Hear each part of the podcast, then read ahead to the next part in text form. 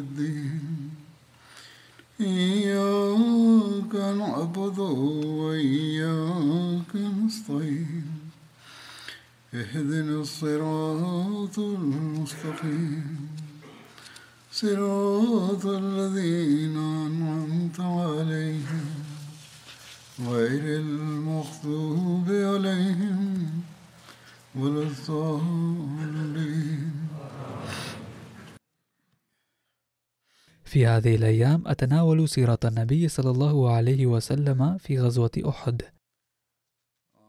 ومن هذا المنطلق أقدم لكم مزيدا من التفصيل وأقول إن رسول الله صلى الله عليه وسلم كان أقرب إلى العدو وثبت معه خمسة عشر رجلا وثمانية منهم كانوا من المهاجرين وهم سيدنا أبو بكر وسيدنا عمر وسيدنا طلحة والزبير وعبد الرحمن بن عوف وسعد بن أبي وقاص وأبو عبيدة ابن الجراح وسبعة منهم كانوا من الأنصار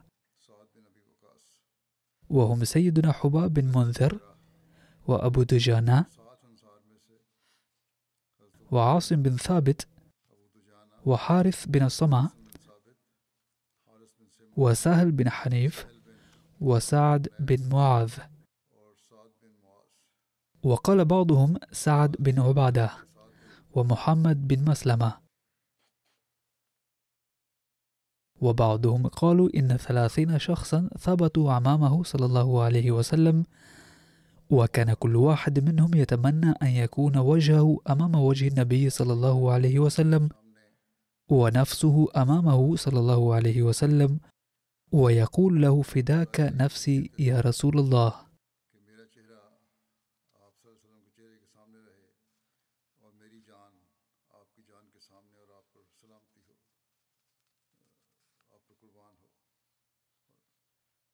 وفي رواية أنه بقي مع النبي صلى الله عليه وسلم أحد عشر شخصا ومنهم طلحة بن عبيد الله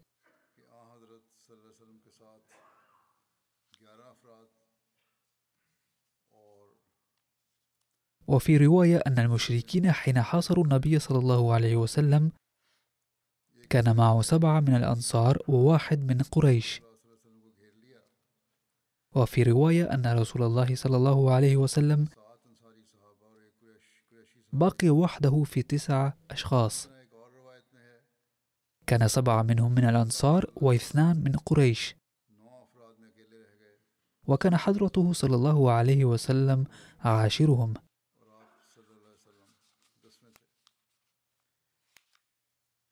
رأينا أن عدد الصحابة الذين ثبتوا مع النبي صلى الله عليه وسلم ذكر مختلفا في شتى الروايات. وخلية البحث كتبت هنا ملحوظة أن عدد الثلاثين مذكور. فيمكن أن نقول إن هذا العدد كان يتغير بحسب الوضع. فمن رأى خمسة عشر ذكر خمسة عشر. ومن رأى عددا آخر ذكره. فكان الصحابة يأتون إلى النبي صلى الله عليه وسلم ويبتعدون عنه بحسب الوضع لذا كان العدد يتغير. وهذا ما يبدو صوابا. فقد ذكر هذا التفصيل في الخطب السابقة أن الصحابة كانوا يتقربون إليه صلى الله عليه وسلم ثم ينتشرون جراء الهجوم ثم يجتمعون. الحق باختصار أن الصحابة قدموا نموذج الثبات العظيم ولم يكن أحدهم يخاف الموت مطلقا. وورد أن رسول الله صلى الله عليه وسلم بايع يوم أحد جماعة من الصحابة على الموت.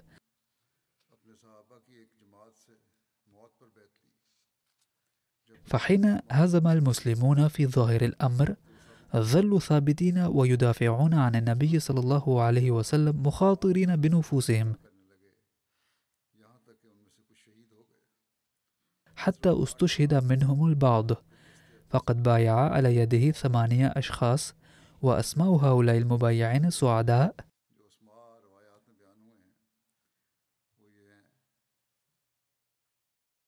كما وردت في روايات وهي سيدنا أبو بكر رضي الله عنه وسيدنا عمر رضي الله عنه وسيدنا علي رضي الله عنه وسيدنا طلحة رضي الله عنه وسيدنا الزبير رضي الله عنه وسيدنا سعد رضي الله عنه وسيدنا سهل بن حنيف رضي الله عنه.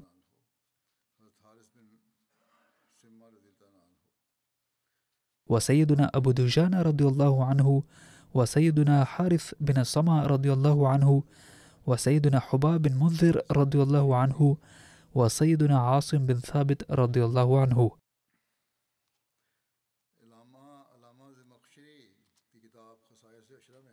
وفي الخصائص العشرة للعلامة الزمخشري أن سيدنا الزبير ثبت مع النبي صلى الله عليه وسلم يوم أحد بكل شجاعة.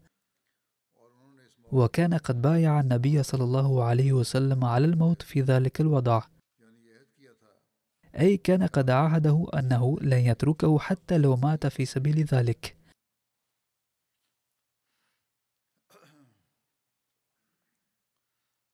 يقول سيدنا ميرزا بشير أحمد رضي الله عنه في كتابه سيرة خاتم النبيين عن ثبات الصحابة وفدائهم.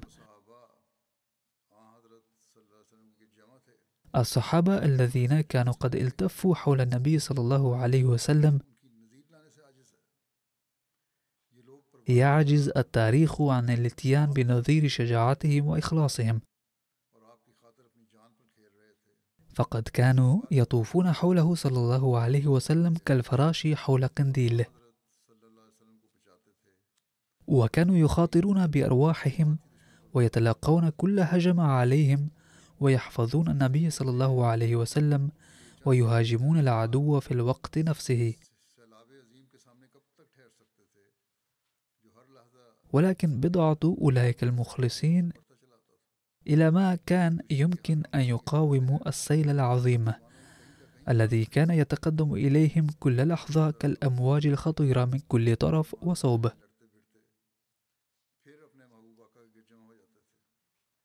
فكانت كل موجة لكل هجمة للعدو تجرف المسلمين بعيدا. ولكن كلما هدى الوضع اجتمع المسلمون المساكن مقاتلين حول سيدهم الحبيب. وكان الهجوم أحيانا خطيرا حيث بقي النبي صلى الله عليه وسلم وحده عمليا. فقد طرأ عليه وقت بقي فيه حوله إثنى عشر رجلا فقط. وفي وقت آخر كان معه رجلان فقط. ومن هؤلاء المخلصين ذكرت بوجه خاص أسماء سيدنا أبي بكر وعلي وطلحة والزبير وسعد بن أبي وقاص وأبي دجان الأنصاري وسعد بن معاذ رضي الله عنهم. وبذلك يتضح حقيقة العدد المختلف للصحابة الذين ثبتوا مع النبي صلى الله عليه وسلم في مراجع مختلفة. فكما قلت سابقا إن هذا العدد كان يزيد وينقص بسبب هجمات العدو. يقول سيدنا المسيح الموعود عليه السلام ردا على إحدى التهم النصارى على النبي صلى الله عليه وسلم أنه أجاز الكذب أو البيان على عكس الحقيقة.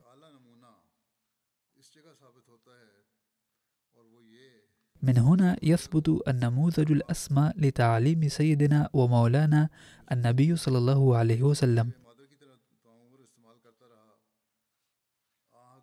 إذ أنه أمر باجتناب الطهورية قدر المستطاع. التي ظل يسوعكم يستخدمها طول حياته كما يرضع الطفل حليب الأم.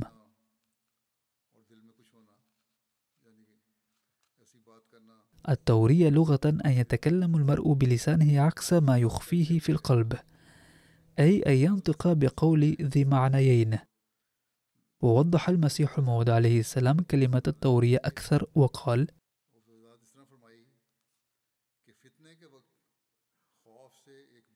يذكر أمر بأمثلة أو استعارات مخافة الفتنة أو حفاظا على السر لحماية مصلحة ما فيفهمه العاقل ولكن لا يفهمه الجاهل ويذهب خاطره إلى أمر آخر لم يقصده المتكلم.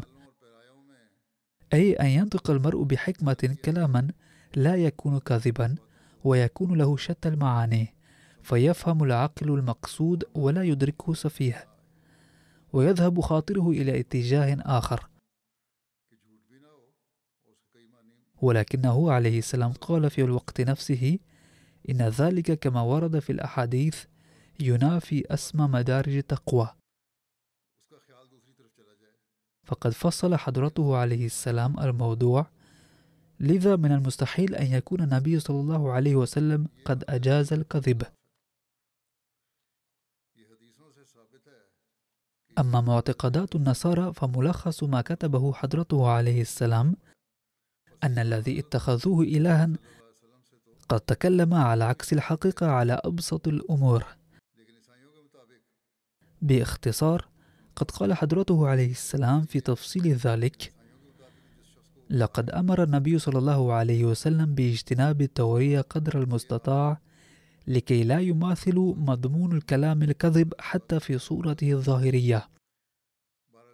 ولكن ماذا نقول وماذا نكتب إذ لم يستطيع يسوعكم أن يلتزم الصدق على هذه الشاكلة؟ كان يجب على من يدعي الألوهية أن يظهر في الدنيا كالليث لا أن يتخذ من التورية عادة طول الحياة. فيتوفه بكلمات شبيهة بالكذب مبرهنا بذلك على أنه لم يكن من جماعة الأفراد الكمل الذين يتصدون لأعدائهم غير مكترثين للموت ويتوكلون على ربهم توكلا كاملا. فالذي تصمونه إلها فقد ظل يوظف التورية طوال حياته ولا يظهرون الجبن في أي مقام.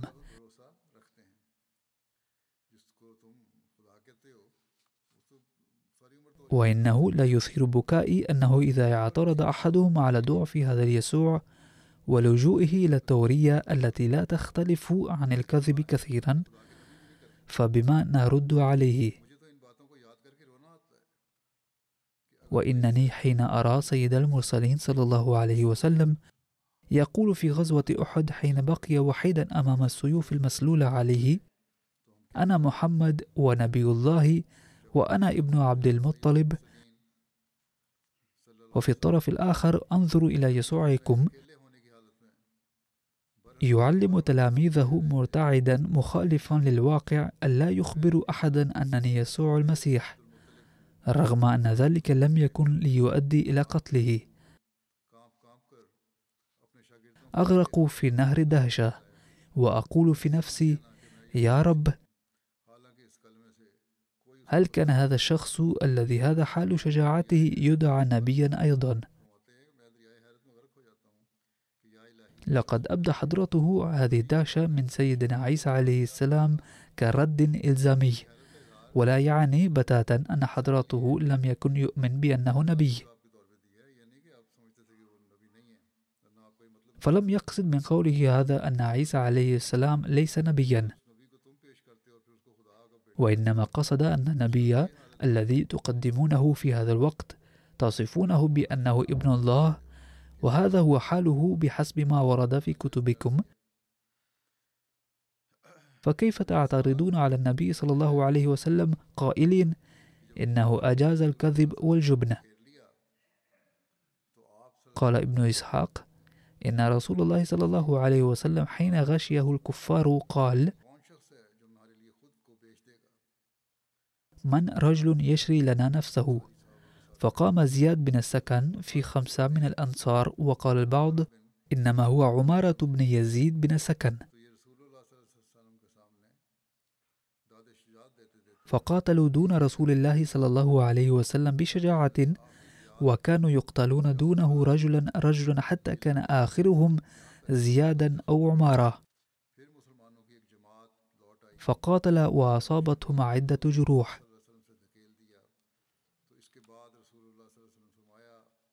ثم فاءت فئة من المسلمين فدفعوا المشركين عن رسول الله صلى الله عليه وسلم. فقال صلى الله عليه وسلم ائتوني بزياد بن سكن. فجيء به وكان يلتقط آخر أنفاسه. فقال أدنوه مني.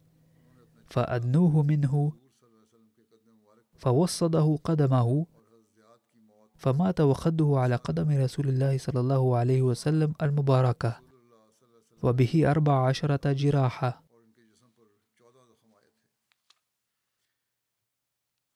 يقول حضرة ميرزا بشير أحمد عندما هجمت قريش كموجة جارفة قال النبي صلى الله عليه وسلم من رجل يشري نفسه في سبيل الله عز وجل وتناهى هذا الصوت إلى آذان أنصاري فتقدم بولد مع ستة من الأنصار. فقاتلوا دون النبي صلى الله عليه وسلم واستشهدوا واحدا تلو الآخر. وكان رئيسهم زياد بن سكن. وبعد أن خفت هجمات الكفار الخطيرة هذه ورجع الصحابة الآخرون واجتمعوا حول النبي صلى الله عليه وسلم. قال احملوا زيادا إلي. فأتوا به ووضعوه أمام النبي صلى الله عليه وسلم. وكان فيه رمق وهو يلتقط آخر أنفاسه فرجع رأسه بصعوبة بالغة ووضع وجهه على قدم النبي صلى الله عليه وسلم ففاضت نفسه. وورد عن استشهاد مصعب بن أمير رضي الله عنه أنه كان يقاتل دون رسول الله صلى الله عليه وسلم حتى استشهد قتله ابن قمئة. ورد في التاريخ أن مصعب بن أمير حامل لواء المسلمين يوم أحد أدى حق حماية اللواء على أحسن وجه. كان حامل اللواء يوم أحد فهاجمه ابن قمئة وهو على حصانه.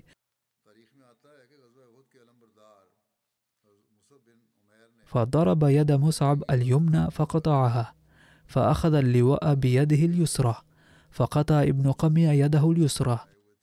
فحنى مصعب على اللواء وضمه بعضديه إلى صدره فحمل عليه ابن قمية الثالثة فأنفذه في صدره واندق الرمح. ووقع مصعب فابتدره رجلان من بني عبد الدار. سويبط ابن حرملة وأبو الروم. وأخذ أبو الروم اللواء فلم يزل في يدي حتى دخل به المدينة حين انصرف المسلمون. هذا ما ورد في أحد كتب التاريخ بينما ورد في رواية أن النبي صلى الله عليه وسلم أعطى عليا اللواء بعد ذلك. يقول سيدنا ميرزا بشير أحمد في بيان هذه الواقعة كان جيش قريش قد حاصر المسلمين من كل جهة وكان يتقدم بغاراته المتتالية. وكان من المحتمل أن يتدارك المسلمون أمرهم في هذا الوضع أيضا. ولكن كارثة حلت حيث إن مقاتلا جريئا من قريش يدعى عبد الله بن قمئة. هاجم حامل لواء المسلمين مصعب بن عمير. فقطع بسيفه يده اليمنى. فأمسك مصعب اللواء بيده الأخرى وتصدى لابن قمئة. ولكنه قطع يده الأخرى أيضا بضربة أخرى. فأمسك مصعب الراية الإسلامية بعضديه وضمها إلى صدره. ولكن ابن قمية هجم عليه ثالثة فسقط مصعب شهيدا. فحمل الراية أحد المسلمين فورا. وكان مصعب يشبه النبي صلى الله عليه وسلم قامة وبنية. فظن ابن قمية أنه قتل محمدا صلى الله عليه وسلم. ومن المحتمل أنه أشاع ذلك كيدا وخداعا. على كل حال عند سقوط مصعب شهيدا صاح ابن قمئة لقد قتلت محمدا صلى الله عليه وسلم. فأفقد هذا الخبر المسلمين صوابهم وتشتت جمعهم. وكما سبق بيانه فإن تهاون بدع لحظات من قبل بعض المسلمين في ساحة أحد بدل انتصارهم إلى هزيمة مؤقتة. ولكن رسول الله صلى الله عليه وسلم وهو الذي يعد أفضل قائد حرب وصاحب قرارات سريعة حكيمة في تاريخ حروب العالم كلها كان يراقب وضع القتال المتقلب بمنتهى الدقة. فقام بحماية جيشه الضعيف المتشتت أمام العدو الذي يزيد أصحابه بأربعة أضعاف. ففشل العدو في تحقيق نيته في القضاء عليهم تماما. بعد استشهاد مصعب بن عمير رضي الله عنه أعطى النبي صلى الله عليه وسلم عليا رضي الله عنه راية جيش المسلمين. فحملها وتصدى للأعداء الذين كانوا في نشوة الانتصار فلم يزل يضربهم. وارتفعت معنويات الجيش الإسلامي المتشتت. وقاتل علي رضي الله عنه مع جماعة صغيرة من المسلمين المجتمعين حول النبي صلى الله عليه وسلم. وشق طريق الخروج من الحصار المشركين المقاتلين. فشقت هذه الفئة القليلة الطريق بقيادة رسول الله صلى الله عليه وسلم. وتقدمت إلى باقي الجيش المسلم المتشتت في ساحة القتال. والذي كانت همته منهارة بسماع خبر مقتل رسول الله صلى الله عليه وسلم.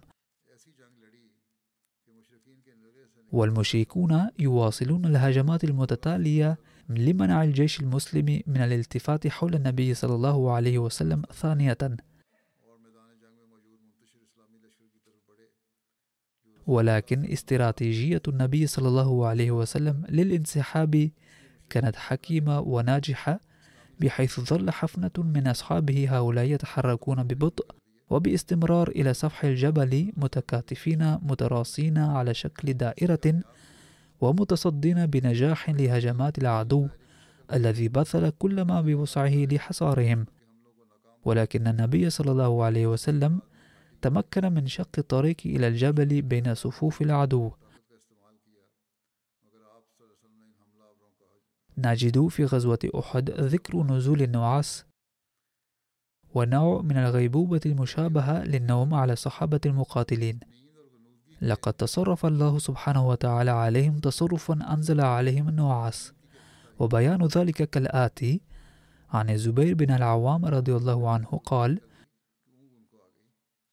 لقد رأيتني مع رسول الله صلى الله عليه وسلم يوم أحد حين انقلب وضع القتال وكنا كلنا فاقدي الصواب وفزعين. فأنزل علينا نوم أو حالة شبيهة بالنعاس فما منا أحد إلا وذقنه في صدره. أي انخفضت رؤوسنا نحو الصدور من شدة النوم والغيبوبة. فوالله إني لأسمع كالحلم قول معطب بن قشير. لو كان لنا من الأمر شيء ما قتلنا هنا علما أن معطب بن قشير كان صحابيا أنصاريا. شهد بيعة العقبة وبدرا وأحدا. وحفظتها لما سمعتها هكذا في حالة من النعاس. فأنزل الله تعالى في ذلك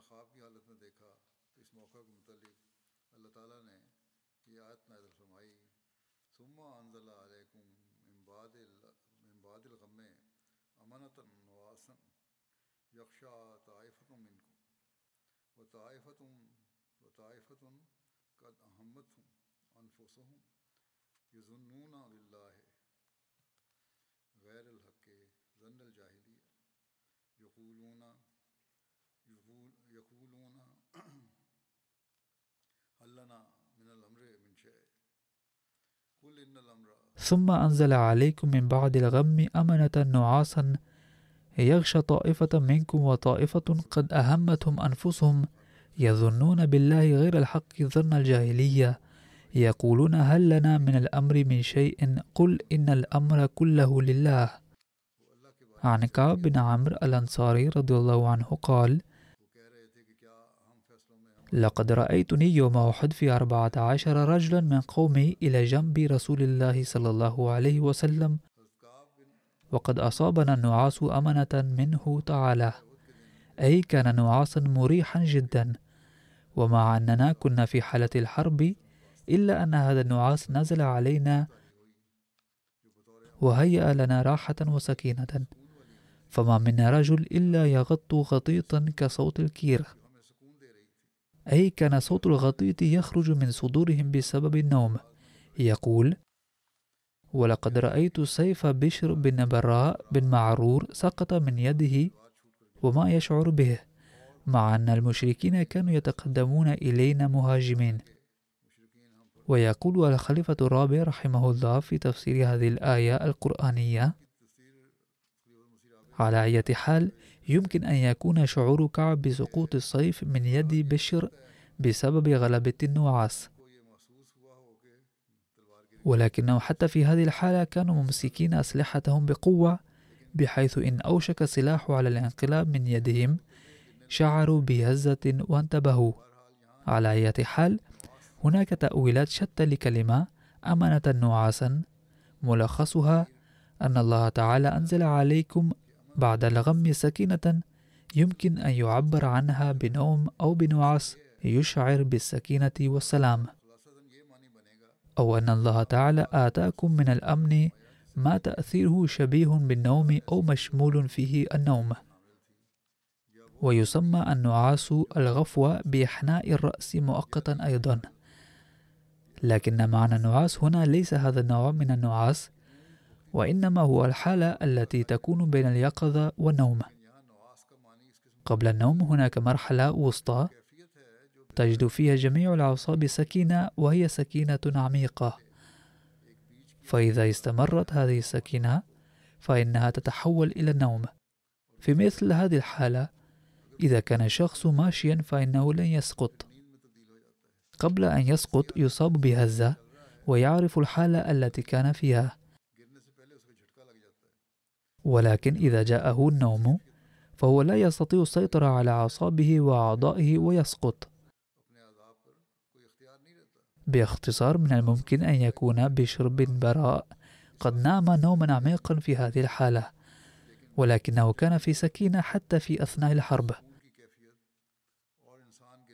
وإذا قبلنا صحة هذا القول فيمكن أن نقول أن يديه تراخطا قليلا فسقط الصيف. لكن هذه الحالة تجعل الإنسان يشعر على الفور بأنه يدخل في نوم عميق ثم يستيقظ بهزة. فيقول الله تعالى إنا أعطيناك سكينة تشبه النوم ولكنها لم تكن عميقة مثل النوم بحيث تفقدون السيطرة على أعضائكم. كانت تعطيكم سكينة ولكنها كانت تجعلكم معطلين. كذلك ورد في صحيح البخاري عن أبي طلحة رضي الله عنه قال كنت في من تغشاه النعاس يوم أحد هذا هو النعاس الذي مر ذكره.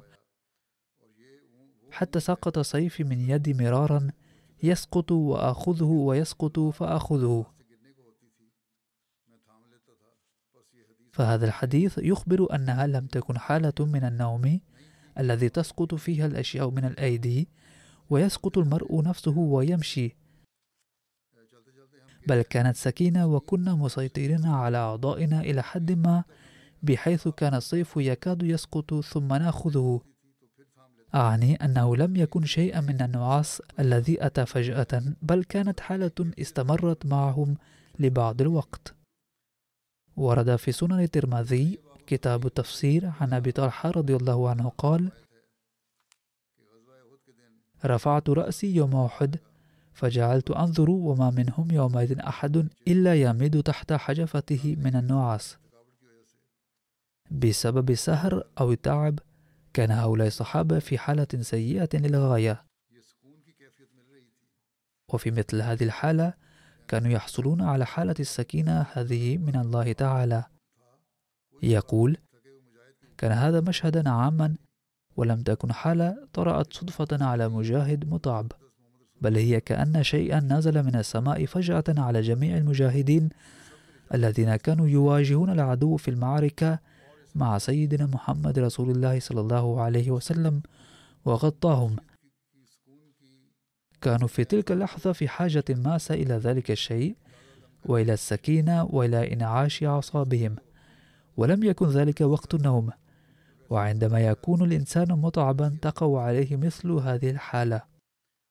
ومع ذلك فإن دخول القوم جميعهم في حالة من النوم هذه فجأة في أثناء القتال المستمر والخطر الشديد من العدو إنما هو معجزة وليس حادثا عشوائيا. يحدث ذلك لبعض الناس ولكنه ليس صدفة بل هو معجزة وحالة خاصة من السكينة منحها لهم الله تعالى في ذلك الوقت. وروى عبد الرزاق عن الزهري قال ضرب وجه رسول الله صلى الله عليه وسلم يوم أحد سبعين ضربة بالسيف وقاه الله سبحانه وتعالى شرها كلها. قال الحافظ ابن الحجر الأسقلاني ويحتمل أنه أراد بالسبعين حقيقتها أو المبالغة في الكثرة. قال المسيح الموعود عليه السلام كان أقرب الصحابة من النبي صلى الله عليه وسلم في ساحة المعركة يعد أشجعهم إذ كان صلى الله عليه وسلم في أخطر موطن فيها. سبحان الله ما عظم شأن النبي صلى الله عليه وسلم. انظروا كيف كانت السيوف تقع عليه باستمرار في غزوة أحد. وكان الوطيس قد حمي بحيث لم يستطع الصحابة الصمود. ولكن رجل الأزمة هذا صلى الله عليه وسلم ظل يقاتل العدو صامدا غير زائل من مكانه. لم يكن للصحابة فيما فعلوا ذنب وقد عفى الله عنهم. وإنما كان السر والحكمة في ذلك أن تنكشف شجاعة النبي صلى الله عليه وسلم. وفي مناسبة كانت سيوف تقع الواحد تلو الآخر. ومع ذلك ظل ينادي بصوت عال إن محمد رسول الله. يقال إنه أصيب في جبينه سبعين إصابة ولكنها كانت جروحا خفيفة. هذا هو الخلق العظيم. ثم وردت رواية وقوع النبي صلى الله عليه وسلم في حفرة حيث كان أبو عامر الفاسق قد حفر حفرا في ميدان أحد ليقع فيها المسلمون. وهم لا يعلمون ويتكبدوا الخسائر. فوقع النبي صلى الله عليه وسلم في حفرة أمامه على حين غرة فأغمي عليه وجحشت ركبته فأخذ علي رضي الله عنه بيد رسول الله صلى الله عليه وسلم واحتضنه طلحة حتى قام. وكان سبب سقوط النبي صلى الله عليه وسلم هو الشقي لأنه هاجم النبي صلى الله عليه وسلم وطعنه بالسيف ووقع السيف على رقبته ولم يصنع سيف ابن قمية شيئا إلا وهن الضرب بثقل السيف. ومكث يجد ومكث يجد وهن الضرب على عاتقه شهرا أو أكثر من شهر. ورماه بالحجر حتى وقع حجر لشقه. ومن جهة أخرى رمى عتبة بن أبي وقاص أخو سعد بن أبي وقاص رسول الله صلى الله عليه وسلم بحجر أصاب وجهه فكسر رباعيته اليمنى السفلى. وهي السن التي بين الثانية والناب. وجرح شفته السفلى. قال الإمام ابن حجر الأسقلاني والمراد بكسر رباعية أنها كسرت فذهب منها فلقة ولم تقلع من أصلها. لما علم سعد بن أبي وقاص رضي الله عنه أن أخاه هو الذي هاجم النبي صلى الله عليه وسلم دخل في الجيش في أثره للانتقام. قال سعد بن أبي وقاص والله ما حرصت على قتل رجل قط حرصي على قتل عتبة ولكن عتبة خدعه وفره فعاد سعد للبحث عنه مرة أخرى ولكنه كان يستسلم في كل مرة وحين أراد سعد البحث عنه للمرة الثالثة قال له رسول الله صلى الله عليه وسلم لعلك باخع نفسك. ويروي سعد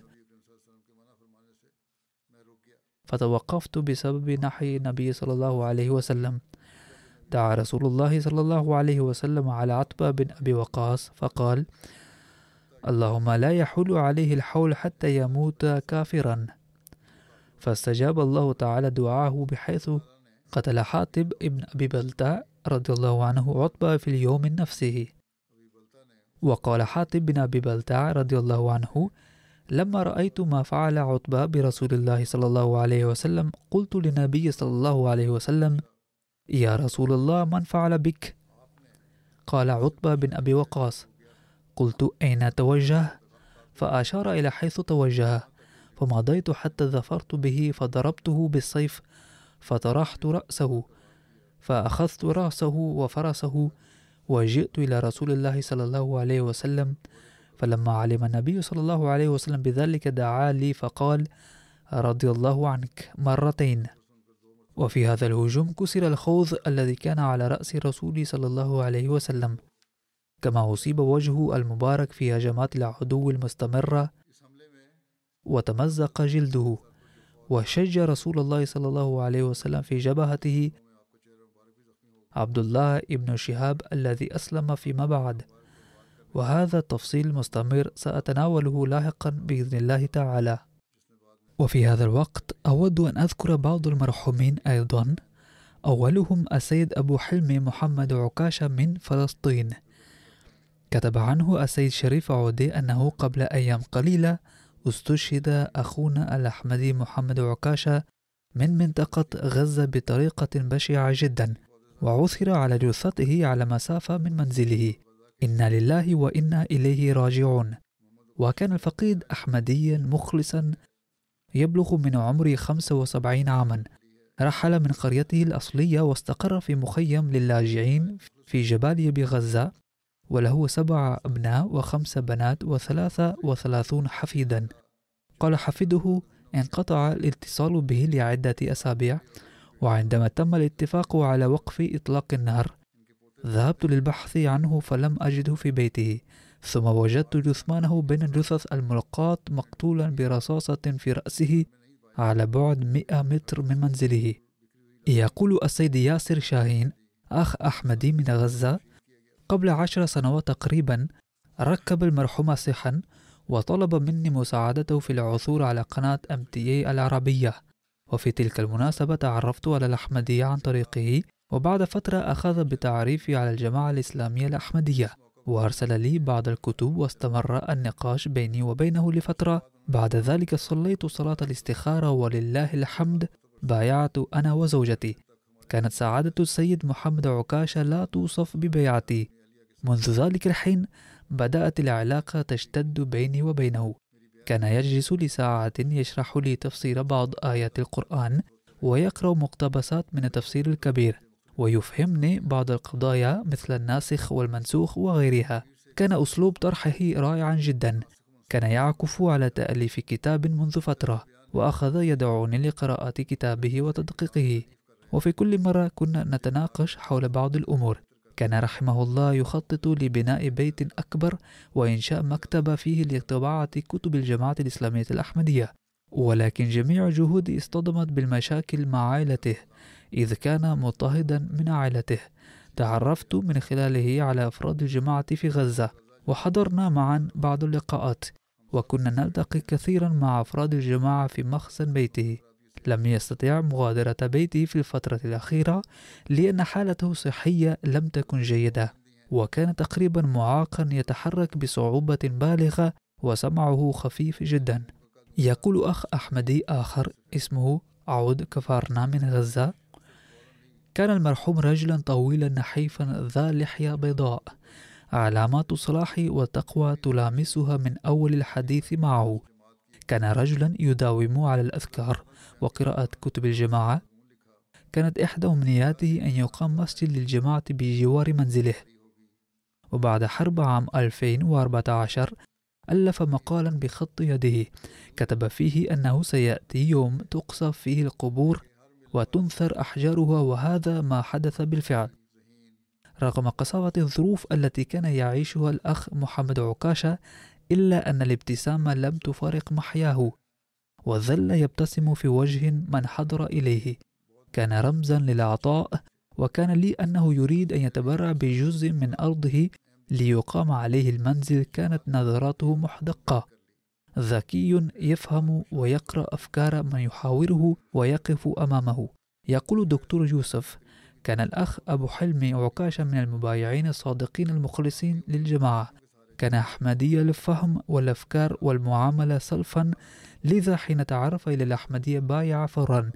منذ أول بيعته بدأ يدخل في نقاشات وحوارات مع المشايخ ورجال الدين حتى مع محيطه وعائلته مما سبب له كثيرا من المتاعب والمقاطعة حتى من أقرب الناس إليه. وكان رغم مرضه في أواخر عمره شبه مشلول ويستخدم العكاكيز للحركة لكنه كان دائم الحضور بل من أوائل الحاضرين لأي جلسة أو تجمع للجماعة رغم المشقة التي يعانيها عند حضوره وكان من أوائل المتبرعين رغم ضيق ذات اليد وكان يحلم دائما ويتمنى أن تكون الجماعة وفكرها هو السائد هنا وفي العالم ويراها السبيل الوحيد لحل جميع مشاكل البشرية.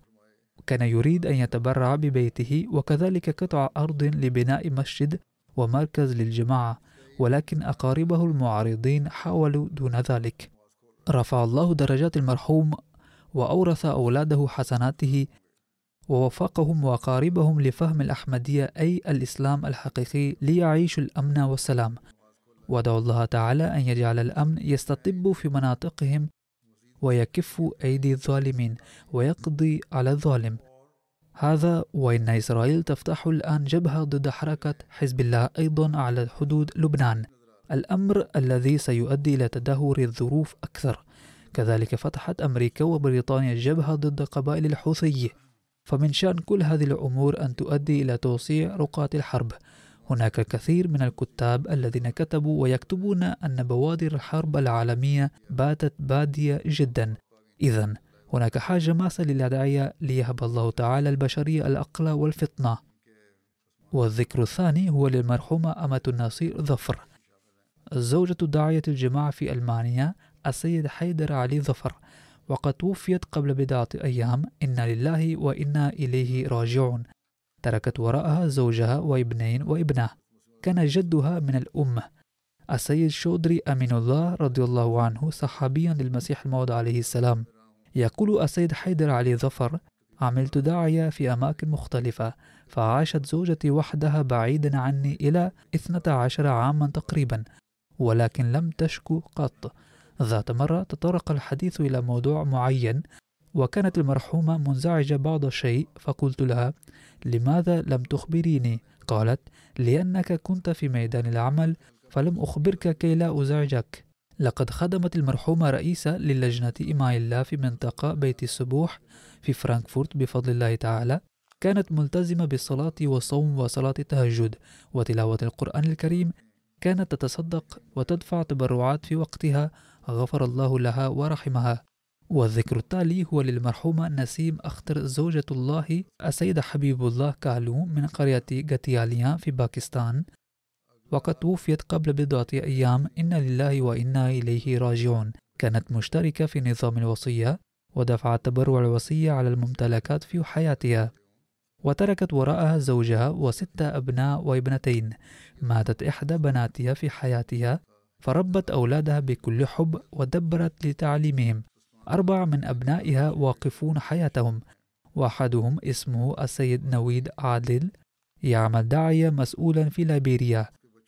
ولكونه في ميدان العمل لم يستطع الاشتراك في جنازة المرحومة.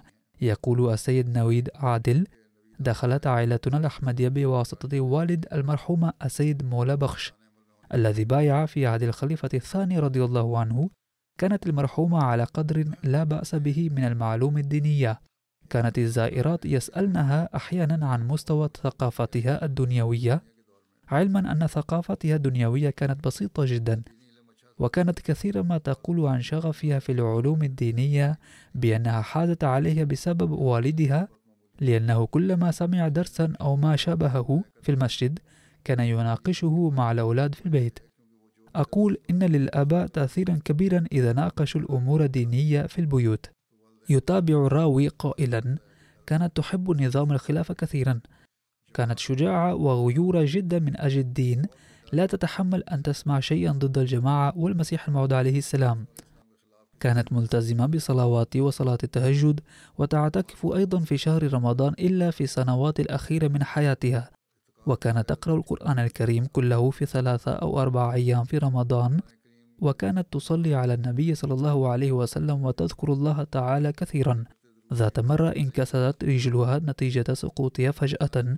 وذهب إليها الأخ الصغير لرأوي نويد عادل الذي كان موجودا في باكستان وكان سيعود إلى ميدان العمل في اليوم الذي سقطت أمه ولكنها قالت له عليك أن تسافر لأداء مسؤولياتك ثم استدعت سهرها من قرية قريبة وذهبت إلى المستشفى معه وقالت لابنها إن مسؤوليتك تقتضي منك أن تسافر فورا لخدمة الدين يقول السيد نويد عادل عندما ذهبت إلى باكستان لقضاء العطلة بعد قضاء سبع سنين في ميدان العمل نصحتني عند اللقاء قائلة الموت والحياة في يد الله ولا يدري أحد متى يمكن أن يموت فإذا حدث ذلك يجب أن لا تأتي إلى هنا تاركا عملك بل يجب أن تبقى هناك.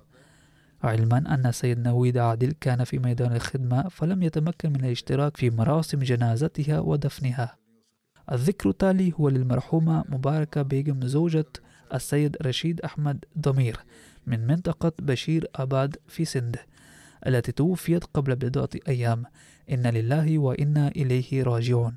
دخلت عائلتها الأحمدية بواسطة والدها السيد بهاو الحق الذي بايع في عام 1948 على يد الخليفة الثاني رضي الله عنه. كانت المرحومة تتحلى بصفات حميدة كثيرة وملتزمة بصلوات الخمس وصلاة التهجد وكانت تقوم بخدمات عفيفة للجماعة وكانت امرأة صالحة وتقية جدا. وخدمت الجماعة بمناصب مختلفة بما فيها رئيسة للجنة إماء الله. وقضت حياتها كلها تقريبا في خدمة الجماعة. علمت مئات الأولاد والبنات القرآن الكريم. كانت شديدة الاهتمام بالحجاب وتنصح به الفتيات أيضا. كانت سباقة في مجال خدمة الخلق وتهتم بالفقراء والأرامل كثيرا. وقد ساعدت فتيات يتيمات أعدة بشأن زواجهن كما علمت كثيرات منهن مهنة الخياطة والتطريز. كانت تصل إلى المسجد كل يوم الجمعة قبل الموعد بساعتين وتنظف بنفسها منطقة المسجد الخاصة بالنساء ثم تصلي النوافل. كانت أمينة جدا فقد أودعت عندها الكثيرات من النساء حلاهن ونقودهن أمانة نظرا إلى شدة أمانتها. لم تخاصم أحدا ولم تقم بالقسوة والإساءة إلى أحد. كانت تتحلى بأخلاق فاضلة ومشتركة إلى نظام الوصية بفضل الله تعالى. عندما اشتركت في نظام الوصية حثت عليه بناتها أيضا. تركت وراءها زوجا وابنا وخمس بنات. كانت حماة السيدة سعادة أحمد داعية الجماعة ومدير المطبع رقيم في سيراليون والسيد سعادة أحمد داعية الجماعة في بوركينا فاسو. ولما كانت بنتيها هاتين متزوجتين من الداعيتين اللذين يخدمان خارج باكستان فما كانتا بجانب أمهما في لحظاتها الأخيرة ولم تستطيع الاشتراك في مراسم جنازتها ودفنها. تقول ابنتها السيدة آصفة أنا أخدم الجماعة في سيراليون مع زوجي السيد عثمان أحمد لذا لم أتمكن من الحضور في جنازة والدتي ومراسم دفنها.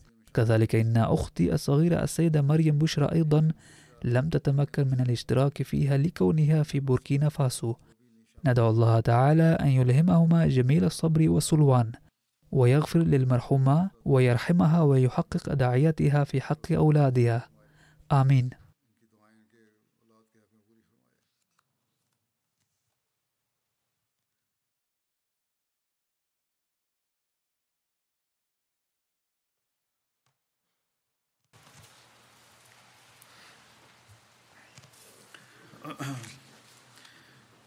الحمد لله الحمد لله نحمده ونستعينه ونستغفره ونؤمن به ونتوكل عليه ونعوذ بالله من شرور أنفسنا ومن سيئات أعمالنا من يهده الله فلا مضل له ومن يضلل فلا هادي له. ونشهد أن لا إله إلا الله ونشهد أن محمدا عبده ورسوله.